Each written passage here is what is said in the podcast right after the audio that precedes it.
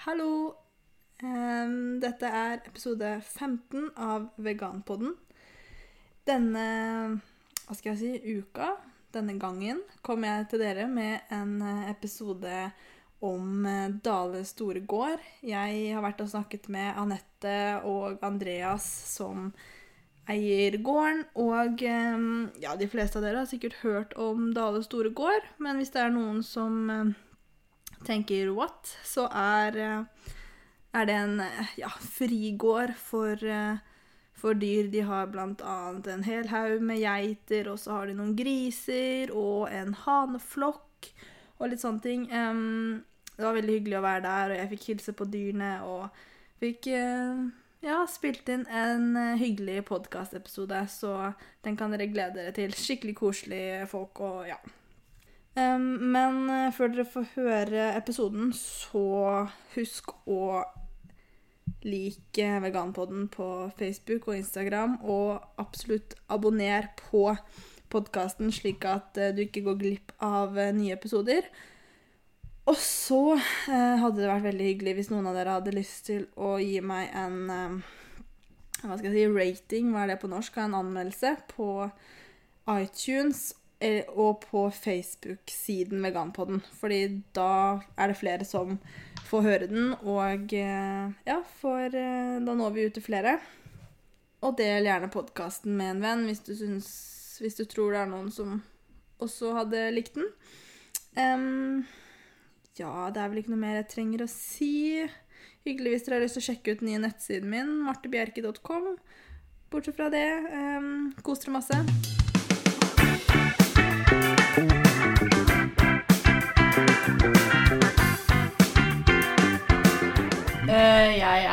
Anette og er 36 år. Og driver Dale Storegård sammen med Andreas. Eh, Og så studerer jeg sosialt arbeid på Høgskolen i Østfold. Og så har jeg et eget foretak. Sånn på si. Når jeg har tid. Ja. Eh, Jeg heter Andreas eh, og er 41 år. Eh, Jobber fulltid eh, ved siden av gården, pleier jeg å si. Jeg jobber som advokat. Eh, Og i alle ledige øyeblikk så driver jo gården sammen med Anette. Mm. Er eh, for så vidt også agronom av utdanning. Blant annet. Blant annet, ja. Blant annet. Spennende. Er Både ja, Det kan vel sikkert diskuteres hvor praktisk jeg er der. Kan det være delte meninger, men jeg prøver iallfall. Men er iallfall også veldig veldig skal si, glad i å lese og høre og sånne ting. Så det er, eh, det har vært litt av hvert. Ja, nå sitter vi jo på en ganske stor gård. Hvordan havna dere her?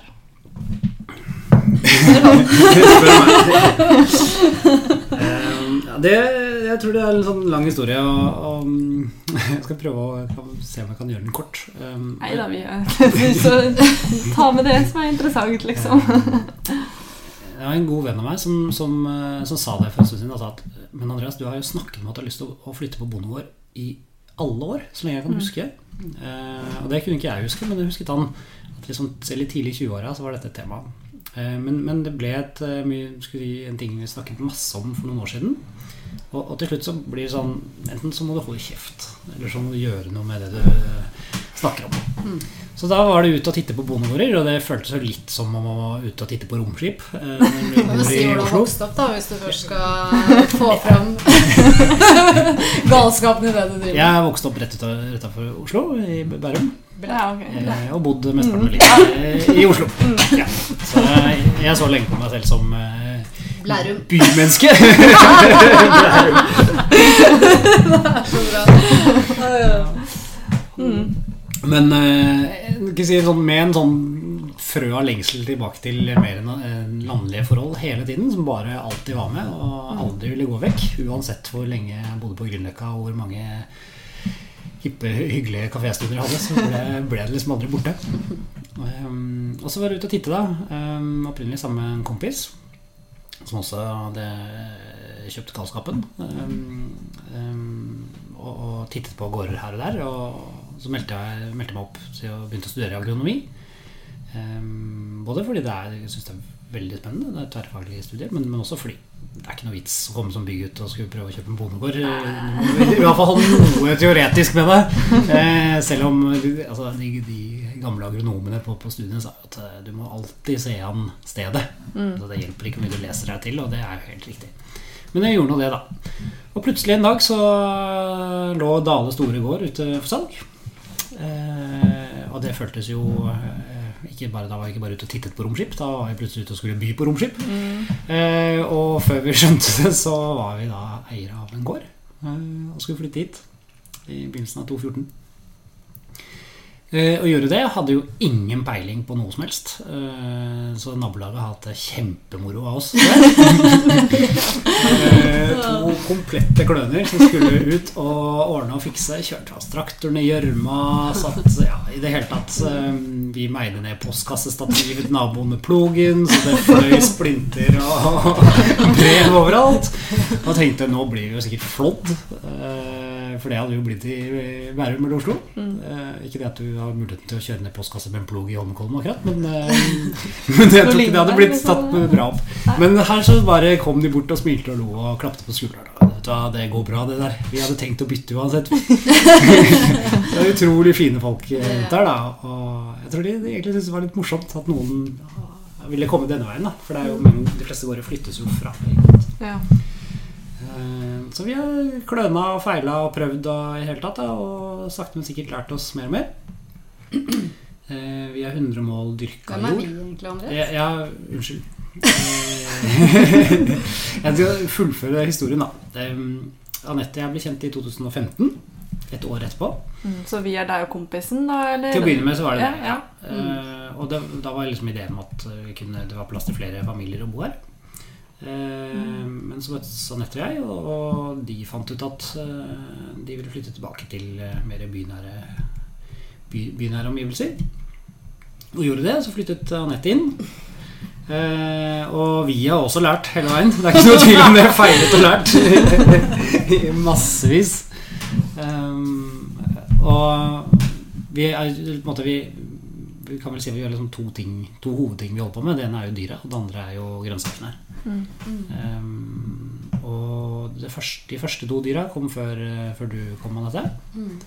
Um, da vi tok over, så sa han eieren, som, som, eller selgeren, at har, nå har jeg liksom høyet huet av alle hønsa og slakta alle sauene som var her, og alt sammen, så det er ordna, og vi sto der med sånn tallerkenøyne og tenkte ja vel, det er også en måte å se det på. Mm. Men katta får jeg ikke gjort noe med, for hun eh, prøver jeg å flytte og, adoptere bort, men hun kommer bare løpende tilbake til gården.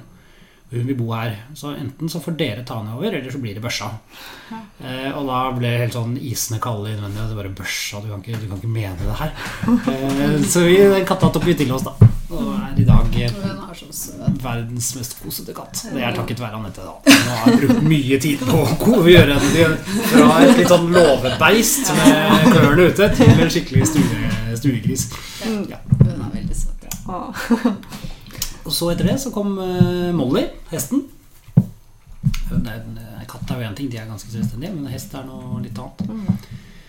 Uh, hun kom og sto på sommerbeite første året. Um, og da, da, sommeren var over, så kom eieren bort til meg og spurte du, um, du kunne ikke være interessert i å ta over en hest. Uh, og da ble det igjen litt sånn tallerkenøyne, men om enn litt kanskje mer positivt. Mm. At ta over en hest, ja, hva, hva, hva mener du? Nei, Molly har ikke alltid hatt det så greit. Uh, for hun eh, reddet jeg, så sa da gjerne at fra, fra å bli avlivet. For hun sto i en, i en bakhage bundet fast i treet og, til å sulte, i hjel. Mm. Um, hentet ut av travindustrien på et eller annet tidspunkt og, og oppfylte ikke kravene. Uh, og da hadde hun ikke noe mer verdi, antagelig. da um, Økonomisk, iallfall. Um, men hun klarte da uh, Mattilsynet var der og sa at de skulle egentlig bare avlive på stedet. Sånn som vi har fått historien. Um, men så sa hun vær så snill, gi meg en sjanse til å redde henne, for hun er så fin. Uh, og det klarte hun. Hun satt ute i stallen med henne dag og natt og, og passet på. Uh, så spurte hun oss da på slutten av sommeren og sa at det er jo nesten mattevondt. Så under henne sa alt, alt godt at hun skal få ha den store plassen som jeg ser at dere gir til dyra som kommer hit på, på, på beite. Mm. Eh, for det gjør vi. Vi tror ikke at hester skal hester skal ha stor plass. De har store bein og store dyr. Um, og da iblant så er det noe sånn da, at når mulighetene kommer, får man bare hoppe på dem. Så sa jeg ja vel, ja, ja, da tar vi imot testen. uh, og sammen med en annen som skulle ha hest her, da, hvis det skal ikke stå alene. Så da hadde det første dyret egentlig kommet, og når man først hadde fått ett dyr, så, så er det Det er sånn tatoveringer. Det er Sånn tatoveringer. ja. Ja. Um, så Molly, Molly var jo liksom et litt sånt um, prosjekt. Hun var skikkelig glupsk og en kopp. Hun hadde jo aldri spist fått nok mat. Hun er fremdeles glupsk. Ja, Men nå er hun litt roligere, da. Det er englebarnet til Andreas sjøl. er Som aldri kan gjøre noe galt. Å nei, ikke engang når hun bryter seg ut sammen med Vi hadde en ponni som sto her, og da var det alltid Det var ponnien sin feil. Det var jo ikke Mm. Det Ja, er klart det var ikke Molly. Molly. Så sto jeg og så i vinduet og hva de gjorde da, og da samarbeida de. De rygga samtidig, og så gikk de på begge to sammen og reiv ned gjerdet og løp av gårde. Og jeg bare Ja vel. Det er Naboene har jo sett meg løpe i- etter de hestene mer enn én gang. Ja. Så vi begynte jo da med disse hestene, og vi har jo ikke si, sånn Kjærligheten til dyra har jo alltid vært der. Det har aldri vært aktuelt at noen av dyra skulle være produksjonsdyr, Mm. som man kaller det i industrien. Altså Enten da så skal de jo da flaskes opp for å gi melk eller kjøtt eller eh, ull, eh, og ingen av våre eller type inn i sånn trav eller sånne ting. Mm. Det er ingen av våre som noen gang har vært tiltenkt det. Tvert imot. Vi vil helst eh, holde de bort fra det og prøve å gi de så naturlige forhold som vi kan. da Eh, Så hestene våre har alltid stått på utgang. Vil si at de kan gå inn og ut av på en måte et leskur eller av en bygning hvor de kan søke le eh, hvis det blåser for mye. Og så har de tilgang til store beiter. Så de står ute. Står aldri på bås og skal ikke, skal ikke liksom være lukket under med mindre det kreves av veterinær eh, eller skal si helsemessige grunner. da Mm. Eh, Så det Da begynte moroa på en måte. Eh, Samtidig så begynte vi da med dette andelslaget for grønnsaker, som er en måte å dyrke grønnsaker på. Hvor det er eh, en del familier som er knyttet til gården og er med på dugnader, er med på jobb, og så får de liksom en del av, av grønnsaksavlingen. da Eh, og så, når du da skal holde en gård på 600 mål, så er det Da skal alle jordene holdes og drives, og skauen skal passes på, osv. Og, så videre, og det kan man enten gjøre med maskin, eller man kan gjøre det ved hjelp av dyr. Eller håndkraft, selvfølgelig. Mm. Um, så ganske tidlig så tenkte jeg at eh, jeg må ha hjelp. No, noen må ta tak i skauen, rett og slett. For det, Og da kom du inn i bildet, eller? Nei, det var, da kom jeg på det. Ikke meg ennå. Jeg kom når galskapen egentlig var Eller ja, Man skulle tro den var på topp, men var jo ikke det. Det ble Nei, du bidrar litt, du- du òg. Ja. Ja. Nei, men eh, eh, Så de Vi fikk fem geiter til hundene. Eh, og eh, de var kjøpt, eh, kjøpte jeg fra, fra et sted som drev med geiter som produksjonsdyr. Eh, så de, eh, de sendte da årets kull til slakt. Mm. Eh, Så disse ble kjøpt ut av det. Han ene hadde skada beinet, så han sa at han blir avlivet uansett. Eh, Hvis ikke dere vil ha han, da. Sylvan heter han. Sylvan heter han. Mm. Vi dyra våre har navn, da. Han ene. Så han sa at um, det syns jeg er for fælt, så gi han en sjanse, da, iallfall. Mm. Eh, Og da fikk vi han en sjanse, eh, og i dag så har han en veldig fin, eh, riktignok litt tjukk eh, bukk. Men han er helt frisk. Han fikk den tiden han trengte til å bli frisk. Hmm. Eh, Og omtrent et eller annet sted i historien der så kom Anette eh, inn i bildet. bildet. Ja, da skal jeg fortelle. Eh, ja, nei, jeg hadde aldri drømt om noe bondegård. Eh, egentlig, jeg er kvart same. Og min familie er jo Vi har jo familie som driver, har drevet bondegård i alle år oppe i Tromsø. Men de har jo drevet på en annen måte enn det vi gjør. De har jo drevet med melkeproduksjon med geiter. Eh, så jeg var ikke helt fremmed for geiter, sånn sett. Eh, og så Jeg flytta jo til Fredrikstad på samme tid som Andreas, men bare til et annet sted. Eh, og så plutselig en dag så klarte en venninne av meg å overtale meg til å laste ned Tinder-appen. Mm. Det var jo det siste jeg skulle laste ned, for å si det sånn. Det var bare en puleapp, og det var ikke jeg interessert i. Og, men hun nei, det var så mye fine, flotte menn, og det måtte jeg prøve. Og så, ja, etter litt om mens gjorde jeg det, da. Og så gikk jeg på en date eh, og fikk jo bekrefta alt jeg hadde sagt før jeg lasta ned appen, om at eh, det var bare ikke en Jeg sletta appen, og det var over, det skulle jeg aldri gjøre igjen. Og så sa han ja, men det var én. Det er veldig mye flotte menn der. Og så overtalte hun meg igjen, og så fant jeg Andreas. og så, så jeg vet ikke Hva var det du skrev igjen? Du var en eh, schizofren uh, Schizofren advokat slash bonde, eller noe sånt. Skrev du. Da tenkte jeg advokat, det er ikke så bra, men bonde og litt schizofren, det kan jo. Du trigget på schizofren, da. Ja, jeg tenkte ja, det var så spennende. Det kan jo skje litt moro. Nei, altså Så begynte vi å date litt. da Vi data jo var, møttes jo ganske mange ganger før du tok meg med hit, og det tror jeg du gjorde lurt i. For å si det sånn. Første gang jeg kom hit, så eh, da var jo dette her et helt annet opplegg. Da var jo hele underetasjen her vi sitter nå, var jo et uh, kollektiv. Eh, Med 200 beboere som møtte meg i døra når jeg kom inn, i form av flyvende bananfluer.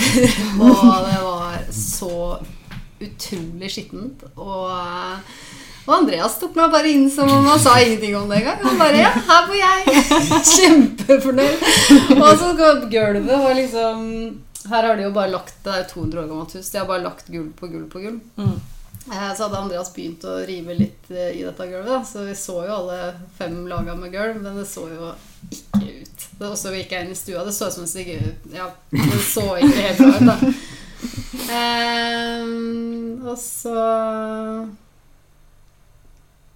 Hvor mange dater hadde du vært på da? Det må ha vært noen. Siden jeg liksom, For jeg er ganske sånn Jeg er ikke så veldig glad i jeg Det liker at det hadde vært et rødt flagg, liksom. ja, det ville vært et veldig rødt flagg egentlig. Da. Men, skal, nei, men jeg brukte jo nesten 30 timer på å vaske ned huset. Og da etter det så har det jo vært eh, jeg har jo skjønt hvorfor det var møkte da, etter at jeg flytta inn. Det var ikke tid til å vaske, så det er liksom Det er jo I den fasten så prøvde vi jo til mitt lille spinkle forsvar Jeg klarer å stoppe! Bortsett fra at vi drev Bananflue Sanctuary. Men så var vi jo Vi var jo ute og jobbet 16 timer i døgnet for å bare prøve å lære hvordan i all verden får man skal si, en gård til å gå rundt.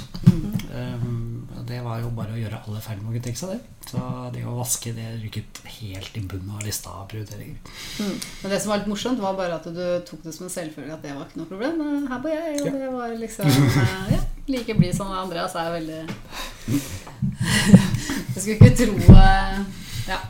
Nei, så jeg hadde aldri sett for meg bondegård sånn sett. Altså etter hvert så Da hadde vi Hvilke dyr hadde vi her da? Da var det geitene og Sylvan. Ja, og Molly. Og Molly og Hermine. Mm. Eh, Hva var det neste prosjektet da? Var det, var det Frank som var nest, Mm. neste? Var det det? Mm. Ja, det var Andreas som Der er vi heller ikke enige om historien.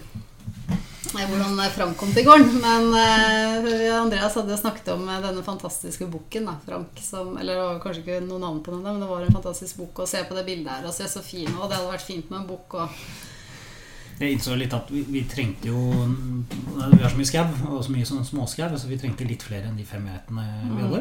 Mm. Eh, rett og slett. Eh, og det er vanskelig å ta til seg geiter, fordi det er regulert. Så du får ikke lov til å flytte over kommunegrensene. Nei, og det er vanskelig å sette sammen flokker også. Mm. Eh, både av smittevernhensyn, men også fordi vi kan eh, bli ganske så gode uvenner. det sånn. Mm. Eh, så da tenkte jeg at eh, det hadde jo vært interessant om vi kunne fått en bok. eh, Fått en generasjon til. Ja. Um, Og jeg tenkte at det er helt uaktuelt. så jeg sa nei, det skal vi ikke. Vi skal ikke ha noen bok. Så jeg kan fortelle jeg, da, Andreas, fordi du og der, ja vel. Så skulle vi Vi skulle ut eh, Eller jeg skulle innom et eh, shoppingsenter. Jeg skulle handle inn litt. Og så skulle han bare inn og Sa du da at du skulle se på Jeg tror du sa du skulle se på en bok. Ja, det hadde jeg sagt. Du sa det? Ja. Ja, du gjorde det. Eller sa du at du bare skulle på en gård? Nei, nei. Ja, så, så jeg, da drar jeg av gårde og ser på eh, en bok imens. Ja, det sa du. Og så mener jo jeg at jeg sa litt mer enn det. Det er ikke sant. Eh, så jeg står da på det kjøpesenteret, og så, og så tok det så lang tid. Og så sendte jeg en melding bare Ja, hvor blir du av? Nå er jeg ferdig, og hvor lenge må jeg vente? Og sånn. Nei, det gikk litt uh, treigt, da, for jeg måtte kjøre forsiktig. Det var mye svinger, og Frank ble så sjøsjuk. Og dette er tekstmeldinger, da. Så ser jeg neste Frank? Spørsmålstegn. Og så ser hun Ja, bukken Frank! Andreas. Og da var det ikke noe flere tekstmeldinger. Da ringte jeg og bare Du tuller med meg nå, du har ikke kjøpt en bok. Eh, Så da kan du fortelle da hvordan Frank så ut når du kom. Det forstår jeg jo for så vidt. Jeg kom til eh, en gård i, i Indre Østfold. Eh, veldig hyggelig type som jobbet der, og hadde veldig mange mange geiter. Deriblant bukken Frank. Men han, han sa det at Frank er, er ikke så lett. Hvis han slipper ut, så stikker han til skogs, og han, da blir han borte. Han vil ikke, vil ikke være her. Og er rett og slett ikke så veldig glad i mennesker. Eh, Og så tittet jeg inn til Frank, da og så han sto inne i en lit, bitte liten bås. Det var ikke så mange kvadratmeter, det var mørkt, og han så skikkelig forskremt ut. Og han, han var skitten, og det luktet, og Han tar vi med. han pep. Ja, men han traff meg midt i hjertet. Han stod og tittet på meg. Og jeg tenkte jeg kan aldri i verden dra fra han han står i den lille båsen her. Eh, Jeg må klare noe bedre. Det, er ikke, ja, det, det går ikke. Jeg, da kunne jeg like godt bare legge igjen hjertet mitt. Eh, Så da var det å Da var det å ta den illeluktende bukken inn i en leid henger. og det var så morsomt. Det lukta du, Jeg går jo ikke an å beskrive den lukta, men når vi kom hjem her Og jeg bare Hva er den lukta? Det er jo helt sinnssykt. Altså, du sto, jeg kunne stå borte ved traktoren, og ser jo ikke dere det. Men altså fra traktoren og hele veien hit, og den lukta Det bredte seg over hele gården. Han var så Du skitten. lukta han rundt hjørnet. Er er gode sånn 30-40 meter, meter, så kunne du kjenne sånn eimen av geit. Og da måtte jo jeg bare gjøre det jeg har gjort siden jeg møtte Andreas. Så var bare ja vel, da får jeg gjøre det beste ut av det. Da får du holde, og så får jeg vaske. og Frank er svær. For de av dere som har sett Frank, så har det er han med de største horna. Han er en meter i hornspennet. Ja, han er svær, og han var redd. Og han var ikke sånn som han er nå. Han var både skitten og redd og skvetten og ville ikke Han veier som en voksen mann. Så da smørte jeg han inn i grønnsåpe og vaska Klippet han og klippet han også, ja, for han var jo veldig sånn tovete i håret. Um, men etter det så har jentene holdt styr på han. da Geitene har jo stelt med han, så han, nå er han jo kjempefin. Rein og veldig kosete og, og helt ny bukk. Ja. Til å begynne med så fikk vi, vi aldri komme nærmere han enn type fem meter. Og nå er det sånn man får lov til å klø han bak øret og kose han litt under haken. Han er, litt, veldig, veldig, han er jo stor og ser litt bøs ut, men han er veldig snill. Da. Så, men han, han kan iblant se så står oppå liksom steinknausen og titter ut på sitt lille kongedømme. Da. Og hvis han husker hvordan han hadde det, så er jeg helt sikker på at han, eh, han lurer på hva som skjedde her. Han, du kan se han har det bra. Da. Mm, så bra. Hvor mange dyr er det her nå, egentlig? Totalt? 34. Ja. counting. And counting. En counting, ja.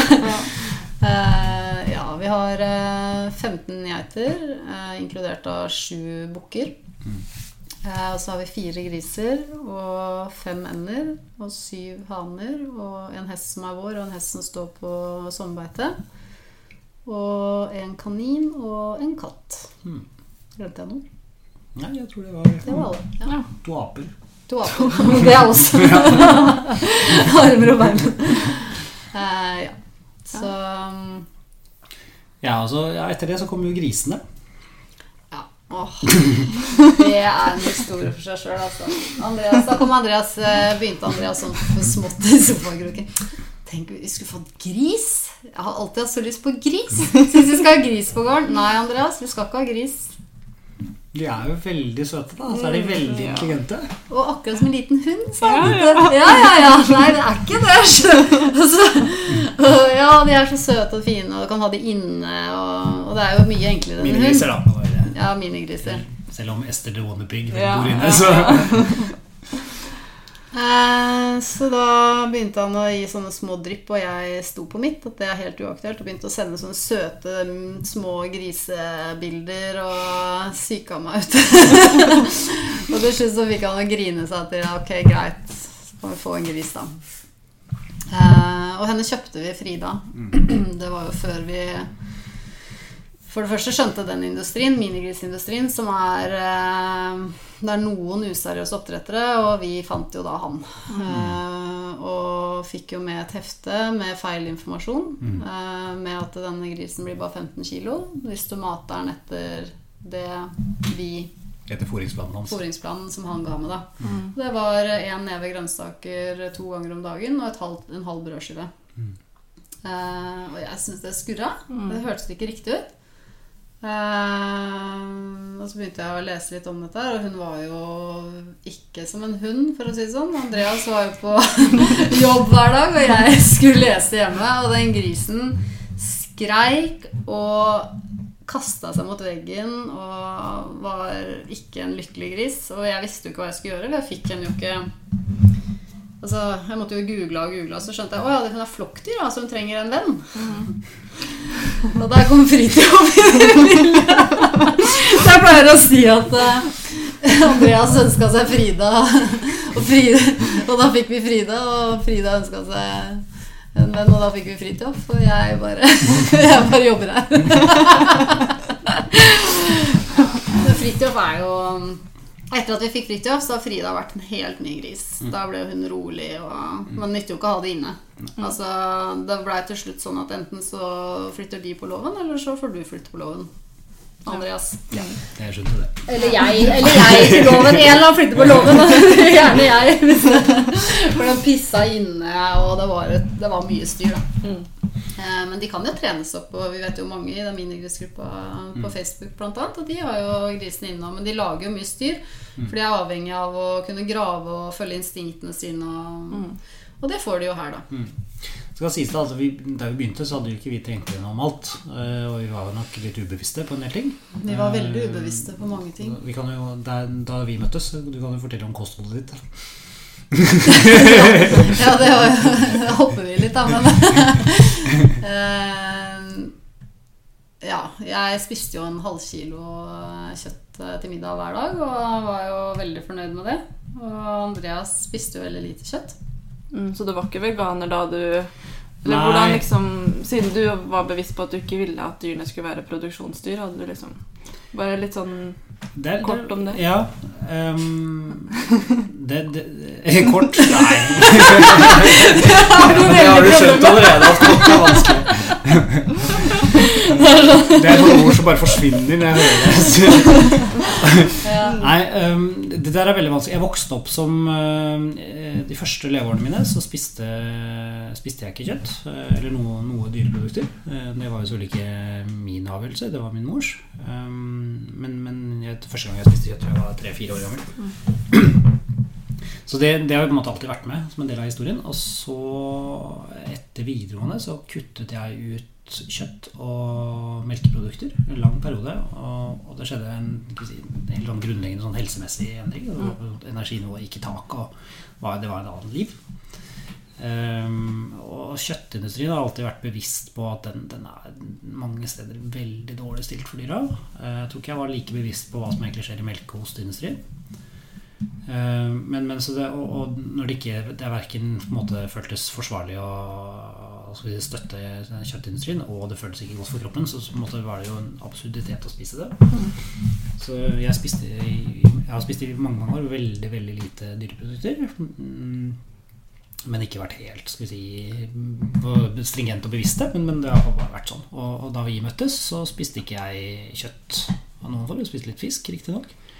Men ikke noe Og så spiste du kjøtt når du ble servert det. jeg gjorde det, og det er jo fordi altså det har jo Veganere er sikkert uh, over middels klare over den situasjonen, hvordan det er å, å si at du ikke spiser kjøtt uh, i en, en eller annen sosial sammenheng, enten det er jobb eller venner eller hva det. Det, blir jo en shitstorm eller øh, ganske keitete, rett og slett. Ja. Og jeg tok en litt sånn, kanskje en enkel utvei i mange år, hvor jeg bare holdt litt stille om det. Jeg følte meg litt sånn, det var bare meg som ikke gjorde det. Så da, enten så krafset jeg litt i, i kjøttbiten jeg fikk, eller spiste litt av den. Og fikk vondt i magen. Alt for å være pleasing overfor alle andre, ikke sant? Eh, utrolig tung, dumt med å se tilbake på det, men, men eh, det var noe sånn, da. Eh, Fordi for tungt å ta alle diskusjonene alene. Eh, Mm, Og så møtte han meg. ja. Så nå går vi til krig mot verden isteden. Nei, men når jeg kom, så som sagt, så spiste jeg en halvkilo kjøtt til middag hver dag. Og var helt ubevisst eh. Jeg dro til Sverige og kjøpte den billigste og mest mishandla kjøttet du finner mm. på Nordby. Kan du fortelle hva, du, hva som skjedde da jeg prøvde å fortelle deg om det? Jeg ba deg vel flytte de der eh, vegetariske pølsefingrene dine vekk fra maten. Slutt å blande deg ting du kan noe med. Det er ikke hvite, sa du vel. Ja, det jeg hadde tenkt på det. Ja, for Andreas eh, spurte meg vel også om jeg tenkte noe over hvordan dyra egentlig hadde det i, eh, i industrien. Ja, det var vel litt annet, eh, annerledes formulert. Og da sa jeg, som sant var for meg da, at det vil jeg ikke vite. Eh, For meg så kommer kjøttet fra kjøttdisken på Rema, sa jeg, og så lo jeg. Mm. Og for meg akkurat nå, når jeg sier det, så er det så sjukt å tenke tilbake på. Um, Men de fleste av oss har vært sånn, så ja, men det er Men jeg tenker at eh, Altså jeg tenker at jeg sa det og følte meg at jeg lo av det. Det var liksom sånn Ja, det var helt uh, Ja, det føles veldig surrealistisk nå, da. Spesielt nå som vi har det egne dyr sjøl. Vi har jo griser her, og vi får jo kommentarer. ikke sant? 'Når skal dere slakte grisene?' og 'Skal dere ha de til jul?' og sånne ting. Og det er jo kjempegøy for de, og for oss så er det jo bare Helt unødvendig. Ja, det er unødvendig å spørre om. For det Men altså, jeg tror ikke de mener noe vondt med det heller. Noen Nei. av de har ment noe med det. Noen av de har bare vært ute for å kverulere. Men noen har oppriktig lurt på det. Fordi det som de ser der, er jo at dyra har det bra. Og da er det jo greit å, å slakte de og spise de til jul. Syns de. Syns de, ja. ja. Nei, jeg syns ikke jeg for å klargjøre det. Nei, jeg syns ikke ja, Fridtjof og Frida skal ikke bli juleribbe, for å si det sånn. Nei. Men det er jo, ikke sant, nå har vi jo mange dyr Vi har jo- kommer aldri i mål med historiene, for vi sporer lett av. Men, Ja. men, eh, men, men jeg opplever det at jo tettere man kommer på dyr eh, Altså Vi produserer jo mat, grønnsaker. eh, med en, dels fordi vi er lidenskapelig opptatt av gode grønnsaker. For de smaker fantastisk når det kommer rett utenfra. Helt ferskt. Det er ikke Helt, giftstoffer, ja, ingen ingenting. Mm. Um, og og det, er, det er veldig lite maskiner, og det er på en måte vi prøver å gjøre det så bra vi kan. da Og det smaker jo helt suverent. Mm. Men, men man ser at uh, både voksne og barn som får lov til å rote litt i jorda, det, det, det vekker et eller annet sånn dypt i oss. Du blir veldig glade og liksom engasjert i det. Og, Og så får også barna hilse på dyra og bli kjent med dyr som ikke skal slaktes til neste år. og jo mer kjent man blir med de, og, og jo nærmere man kommer i det, det er vekker empatien i oss, tror jeg. Og, Mm. og jo mer vi har med våre dyr å gjøre, jo mer sånn det går ikke an å tenke tanken engang. Altså, ikke sant? Altså, En ting er når det er dyr som du aldri ser, de er langt borte, du har ikke noe ansikt på dem. Da må du, da må du gjøre en større tenkejobb, men når du har de rett foran deg, så får du, det smeller jo rett i, i magen og hjertet. Altså, det, er, det, det går ikke å tenke Mm. Det er som bikkja di. liksom, Du ville aldri sett for deg at den skulle bli eh, Slakta. hund i kål, liksom. mm. Mm. Det, Mm. Men eh, hva var grunnen til at du eh, til slutt lot uh, grønnsaksfingrene hans liksom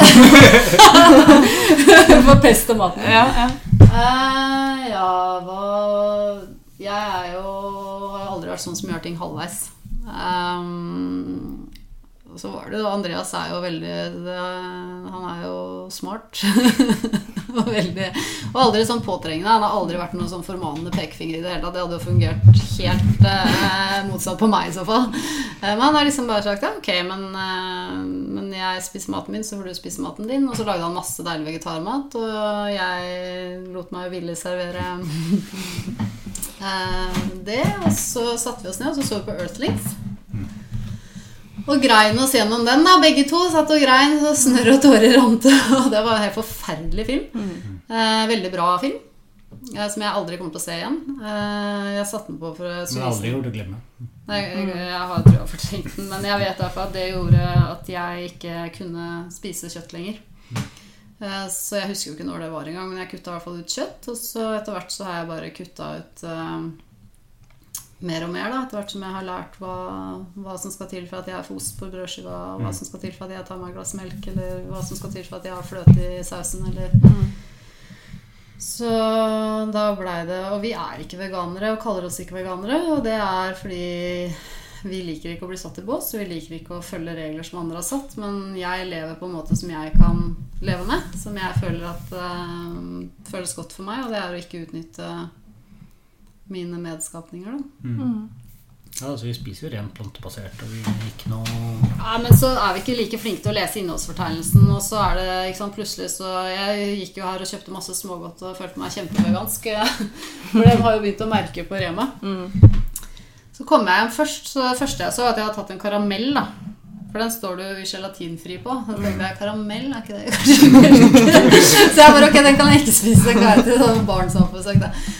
Og så satt jeg så jeg spiste på godteri og sånn, så tenkte jeg bare Å ja, det er kanskje ikke bare gelatin, det er den der, det der lusegreiene òg, ja. Karmin. I- Karmin, ja. E120. Så jeg bare Å nei, nå har jeg spist masse lus. så, så jeg går på sånne blemmer hele tiden. Altså, Så det er liksom Så er jo en del av det er liksom, det er grunnleggende ekkelt. Altså, mm, det, er, det, er, det, er, en ting er at det er, det er, måte, det er utrolig dårlig gjort overfor dyra, det men, men altså beveranus, kjære, hva har det i maten min å gjøre? Altså, det er det, det, det, det, Hvis det skorter på empatien, da, som i hvert fall skjønner det det deres beste det er skikkelig ekkelt. Ja, jeg, altså jeg føler Vi kunne sikkert snakka om liksom, historien til hvert eneste enkeltdyr. Og, fordi her er de jo på en måte individer og sånn, men vi skal jo på galla. ja. Ja, det skal vi. Eh, Men bare sånn helt til slutt, kanskje dere kan bare snakke litt om hva dere ser for dere videre. Og liksom Ja, har dere noen planer? Flere dyr? Ikke flere dyr? Ja. Ehm, ja Det er jo ingen tvil om at det kommer flere dyr. det kommer jo garantert til å skje. Men vi kommer til å um, Vi må ta høyde for hva, hvilke dyr vi kan ha her, og hvilke dyr som passer inn i den dyreflokken vi har nå. Eh, vi må ta høyde for at vi er to personer med fulltidsjobb og fulltidsstudier og firma ved siden av, og, og de dyra vi allerede har. Så vi må ta, sette, kom, de dyra som skal inn her, det må være vi må legge en plan for hvordan vi skal gjøre det. da. Og nå har vi nettopp bygd ny stall. Vi holder på å bygge nytt, ny geite, til geitene. Og ny hane-vaglestasjon, eller hva jeg skal kalle det, til hane. Så vi kommer til å dele hanen opp i tre i tilfelle det skulle bli Det er mange som sier at de kommer til å begynne å slåss, så det er vi redd for. Så vi må få delt inn de, og så må vi lage et eget uteområde til disse tre klanene. Ja. Og tilsvarende for kaninen, og endene skal ha vinterhus og sånn. Så det er alltid mange sånne ting skal gjøres. Er klart, og, og vi har jo på et tidspunkt under her så liksom satte vi oss ned og tenkte litt om hva er det egentlig vi driver med. Og, og det ble jo veldig klart at vi driver jo et fristed for dyr. Vi driver et sted hvor dyr skal få lov til å leve så lenge naturen ville, eller mm. veterinæren sier at nå er det ikke forsvarlig lenger. Um, og, og, og det vil vi jo fortsette med, og, og litt som du er inne på, det, det kommer nok flere dyr, men, men vi må én alltid huske på at de dyra som er her, de skal ha det best mulig. Det er liksom det viktigste. Det, det, er, det, er dårlig, det er dårlig gjort rett og slett å bare ta til seg mer enn man har kapasitet til. Det var noen som spurte om vi kunne ta til oss geiter, og det kan vi ikke. For vi har 15 geiter som er en flokk. mm. Og det å holde geiter innafor gjerdet, det Det er nesten umulig. Det vet naboen vår Det vet naboen om, og vi kan ikke ha flere flokker eh, sånn, så det er geiter er, det er geitestopp, da. Mm. Eh, ikke sant? Og, og vi kan ikke um, eh, ta til oss flere haner, f.eks. Vi har jo syv haner, og det gjør så vi må jo tilpasse så de kan leve så godt som mulig. Og, men det er jo sånn løpende vi tar vurderinger, da. Vi fikk jo nå, var jo dyrevenner som kontaktet oss angående braut. Um, Oksenbraut. Oksenbraut, ja. ja.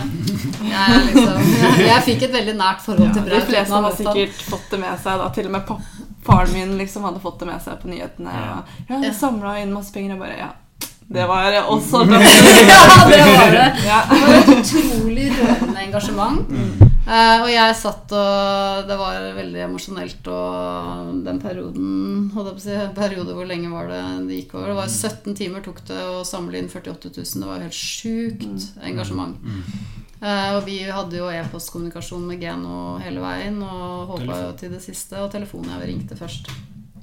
Håpa til det siste at vi skulle få lov å ta han. Um, Det begynte jo skal si, For vår del da, så begynte det jo rett før den helgen som var. Eh, Da hadde NRK en, eh, en artikkel nrk.no som sa 'Siste reis for Braut'. Eller. Han er jo verdenskjent, for så vidt, så det er derfor de laget nyhet av han. Og, og det, den ble jo avsluttet med et spørsmål fra journalisten sa men, eh, men dere sier jo han, han er jo frisk. Eh, Kunne han ikke få levd som pensjonist eh, en stund? mm. Og så sa da han som hadde daglig oppfølgingen, som vi også har snakket med, sa jo, det hadde jo for så vidt vært en, en fin tanke, og det er flere som har spurt om det, men, men sånn blir det ikke. Vi har bestemt Mm. oss for at han skal, han skal til slakt. Mm. Um, og Der stopper den, og, og, og det var det noen som fanget opp, som visste at vi hadde tatt til at dyr- dyret så sånn, måte, her skal de få leve som pensjonister, da, kan du si. ikke sant? Um, og, og spurte oss ja, men kunne ikke dere funnet på en eller annen løsning for ham. Og da tittet vi litt på det for å se om det var en mulighet. Og så at vi har jo plassen, og vi har så også bygninger men vi må gjøre litt sånn små tilpasninger. Vi måtte hatt uh, forsterka gjerdene, og- men vi har klart. jo eh, noen som jobber på gården til å bygge Ja, vi har jo vi har på en måte Det har vært holdt storfe her før. Eh, Så på en måte grunnleggende infrastruktur som på en måte sterk, ja, sterk nok strøm til storfe, f.eks., det, det er jo installert her. Og sånne ting. Så måtte man fått opp eh, det som skulle trenges. da Men det hadde vi fått til. Eh, Så sa vi at uh, dyr som det der spiser jo ganske mye, da, rett og slett. Mm. Um, så vi er jo helt avhengig av at det er noen som har lyst til å bidra til pensjonisttilværelsen. Og der begynte jo denne innsamlingen. Og, og jeg må si det er utrolig rørende å se det engasjementet og den varmen som var der. Det er så utrolig mange som, som reiser opp 'jeg vil'. Eh, Mm. og det gir så håp. Det gir så glede. Ikke sant? At, at, eh, en ting er om vi har plassen, men det er jo alle de andre som virkelig ville stille opp for det, som, som virkelig fortjener den store rosen og takken. Synes jeg. Og det var Geno som sa nei til syvende og sist, og det har kommet ut mye feil informasjon i media når det kommer til eh, hva de har kommunisert, og vi har jo blitt kritisert for å leve sveve rundt på en rosa sky. Og det er mange som ikke vet at f.eks. Andreas er utdanna agronom. Det er mange som ikke vet at vi har 600 mål å ta. Det er mange som ikke vet at vi har et nybygg som hadde passa helt ypperlig for eh, Braut. Det er mange som ikke vet at vi har snakka med fagpersonell som har eh, tilbudt seg å jobbe for oss å hjelpe Braut og følge opp Braut. eh, Ja, på dugnad, Mm. egentlig. dugnad. Så det er veldig mange som Mye informasjon som ikke alle vet, da. Mm. Mm. Så, det, det gikk jo ikke veien for Braut. Eh, han ble jo avlivet. Men eh, jeg syns jo debatten som har vært, har vært mye interessant i det. Jeg håper jo at, at det kan bidra til en, en bevissthetsøkning. Mm. Mange er jo, vet jo hvordan det er. Og eh, bønder lever jo med det, det hver dag. Eh, men, men det er veldig mange forbrukere som ikke har noe bevissthet. Litt sånn som vi snakket om da Anette kom hit og spiste en halv kilo kjøtt hver dag. Så hadde ingen formening om hvor det kom fra. Mm. Um, og det, det er, jeg syns det er stor forskjell om man er bevisst hvor ting kommer fra. Da kan man diskutere på en annen måte enn om man ikke bryr seg eller vet. Det, Mm. Helt klart. Så der eh, tror vi iallfall at si, Brauts skjebne bidrar noe Mm. den diskusjonen som er. Mm. Så vi kommer jo, for å skal si, gå tilbake til sitt spørsmål i planene framover Det kommer nok helt sikkert på et, et eller annet tidspunkt flere dyr her, men vi må se så at de er forsvarlige og gode løsninger. Og vi jobber jo hele tiden med å bygge skal vi si, større gjerder, sånn at vi kan bruke de, de 600 målene til, til nettopp sånne ting. Da. Mm. Masse plass og masse bygninger. Mm. Ja, jeg gleder meg i hvert fall til å følge dere videre. Tusen takk. Det er takk for at jeg fikk komme hit. Takk for at du kom. Det var veldig hyggelig.